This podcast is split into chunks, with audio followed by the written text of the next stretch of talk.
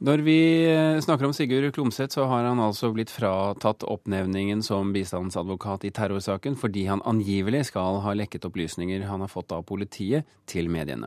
Beslutningen ble gjort kjent av tingrettsdommer Finn Haugen i Oslo tingrett onsdag formiddag, og Gunnar Stavrum, eh, redaktør i Nettavisen. Hva syns du om at Klomsæt nå må trekke seg? Det var vel ganske naturlig hvis eh, tingretten finner det bevist at, at lekkasjene stammer fra dokumentasjon som han har fått uh, under forutsetning at han holdt det for seg selv, uh, så måtte det jo få en reaksjon. Og politiet har jo begjært han fjernet som bistandsadvokat. Jon Wessel Aas, advokat i Bing Hodneland advokatselskap. Hva syns du om at Klomsæt nå må trekke seg? Jeg skjønner, jo, jeg skjønner jo hvordan retten tenker der. Det er jo ikke det er ikke bra at advokater eh, oppnevnt av det offentlige som bistandsadvokat eller forsvarere uten videre, eh, som det heter, lekker fra den typen dokumenter. Eh, og det er jo et brudd også på de retningslinjene som gjelder, de etiske retningslinjene. Det er jo det som er grunnlaget her. Men er de absolutte? De er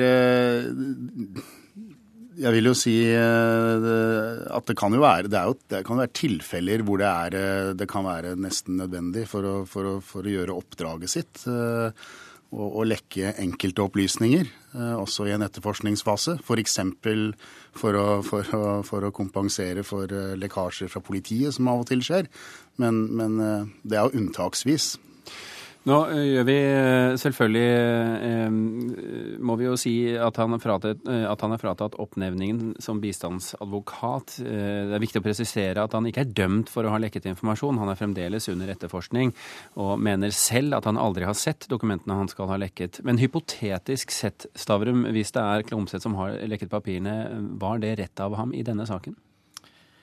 Hypotetisk sett syns jeg det er vanskelig å si at var rett i denne saken. Eh, fordi at eh, Det er i hvert fall tilfellet at, at dokumentasjonen, all dokumentasjonen ble spredt for mange medier på så kort tid at man umulig kunne gått gjennom materialet først. Så Normalt vil jo på en måte en varsler eller en som bevisst lekker ha, på en måte, ha informasjon som man har en aktverdig grunn til å få ut. Eh, her virker det jo som om en eller annen person, ikke nødvendigvis Klomsæt, har spredt et helt etterforskningsmateriale uten noen reell aktverdig grunn, kanskje. Det er, jo, det er jo også viktig å, å huske på at uh, det, det, finnes jo nyanser uh, generelt her. Uh, F.eks. når politiet holder pressekonferanser innimellom underveis i etterforskningen, som jo er stort sett aktverdig, forteller publikum hva som foregår, så vil det jo ofte indirekte i anførselstegn lekke informasjon nettopp fra etterforskningen i og med at de forteller hvordan etterforskningen ligger an. Så det er jo ikke det, jo ikke det i seg selv at man overhodet kommenterer og indirekte gir opplysninger om, om, hva som har kommet fram under etterforskningen, som, som er problemet. Men, men, det er jo det å, som det kan se ut her, nærmest sånn uten videre å bare videreformidle en haug av informasjon fra etterforskningen til, til flere redaksjoner, som, som, noen i hvert fall har gjort uh, i dette tilfellet. Men med samme forutsetning som under, uh, under, forrige spørsmål, Stavrum. Er det en varsler som har blitt uh, straffet nå? Altså, Så lenge vi da ikke vet hvem som har gjort det, og heller ikke motivasjonen for å ha gjort det, så er det, er det vanskelig å uttale seg om det. Men det, det, tyder ikke på meg som dette er en veldig klar varslerhandling. Det tyder mer på at her tar vi alt materialet og, og gir det videre. Hva sier du? Eh, ja, jeg, jeg, tror også jeg vil eh, være enig eh, med, med Stavrum der. Jeg ser ikke at den, den, informasjonen, i hvert fall ikke av det som er publisert, vil kvalifisere til å si at den som har gitt det til pressen, har hatt noen spesielt sånn aktverdig varslergrunn til å gjøre det. Men det er jo et annet spørsmål igjen enn om pressen hadde grunn til å publisere det. Og det mener jeg er viktig i debatten. At vi skiller veldig klart mellom Eh, mellom legitimiteten bak handlingen til kilden, avhengig av hvilken rolle de har i saken osv., og, så og pressens selvstendige vurdering av hva de publiserer. Og hva syns du om den, eh, egentlig? Jeg, jeg, har, Uten at jeg har lest hele denne avgjørelsen, så har jeg fått med meg at retten her, selv om det vel strengt tatt kanskje var denne avgjørelsen uvedkommende, også hadde noen bemerkninger om at, eh, at pressen ikke hadde noen aktverdig grunn til å publisere bilder av ja, Breivik i dette tilfellet i en stol uh, på Utøya etter at han var pågrepet. Og det, det kan diskutere, altså det, der, Når det gjelder hva pressen publiserer, så kommer det jo alltid an på i hvilken kontekst man publiserer det. Et bilde i seg selv kan for så vidt være helt uinteressant, men ledsages det av en tekst, en analyse, en kobling til andre opplysninger som gjør at det har en relevans. Altså La oss bare tenke noe fritt, eh, selv om ikke det gjelder i dette tilfellet. La oss si at bildene kunne analyseres for å vise at dette er eh, kroppsspråket til en typisk psykotisk person. For det er jo en diskusjon nå. Var han tilregnelig eller ikke? Nå sier jeg ikke at disse bildene var egnet til det, men det er bare for å gi et eksempel på at pressen kan ha aktverdige grunner til å publisere denne typen stoff.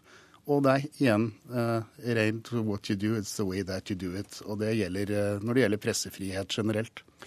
Stavrum, uh, uavhengig om det er Klomsæt eller noen i hans eh, firma som faktisk har lekket. Hva betyr denne saken for pressen? Må, må pressen nå oppføre seg på en annen måte?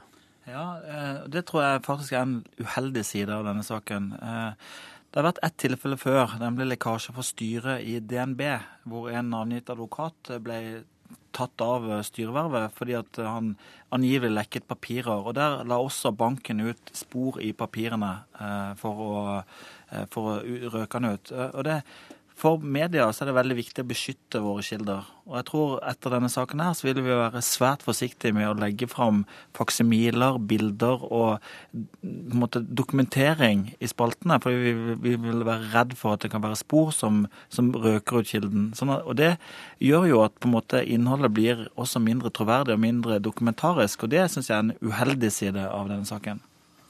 Jeg bare tenkte jeg skulle nevne et i hvert fall forholdsvis kjent eksempel på forskjellen mellom kilde og presse. og Det gjaldt NRK for noen år siden, en sak som var helt oppe i Høyesterett, hvor politimester Anstein Gjengedal ble straffet etter personopplysningsloven for å ha utlevert overvåkningsopptak fra Plata av diverse handlinger som foregikk der, til NRK.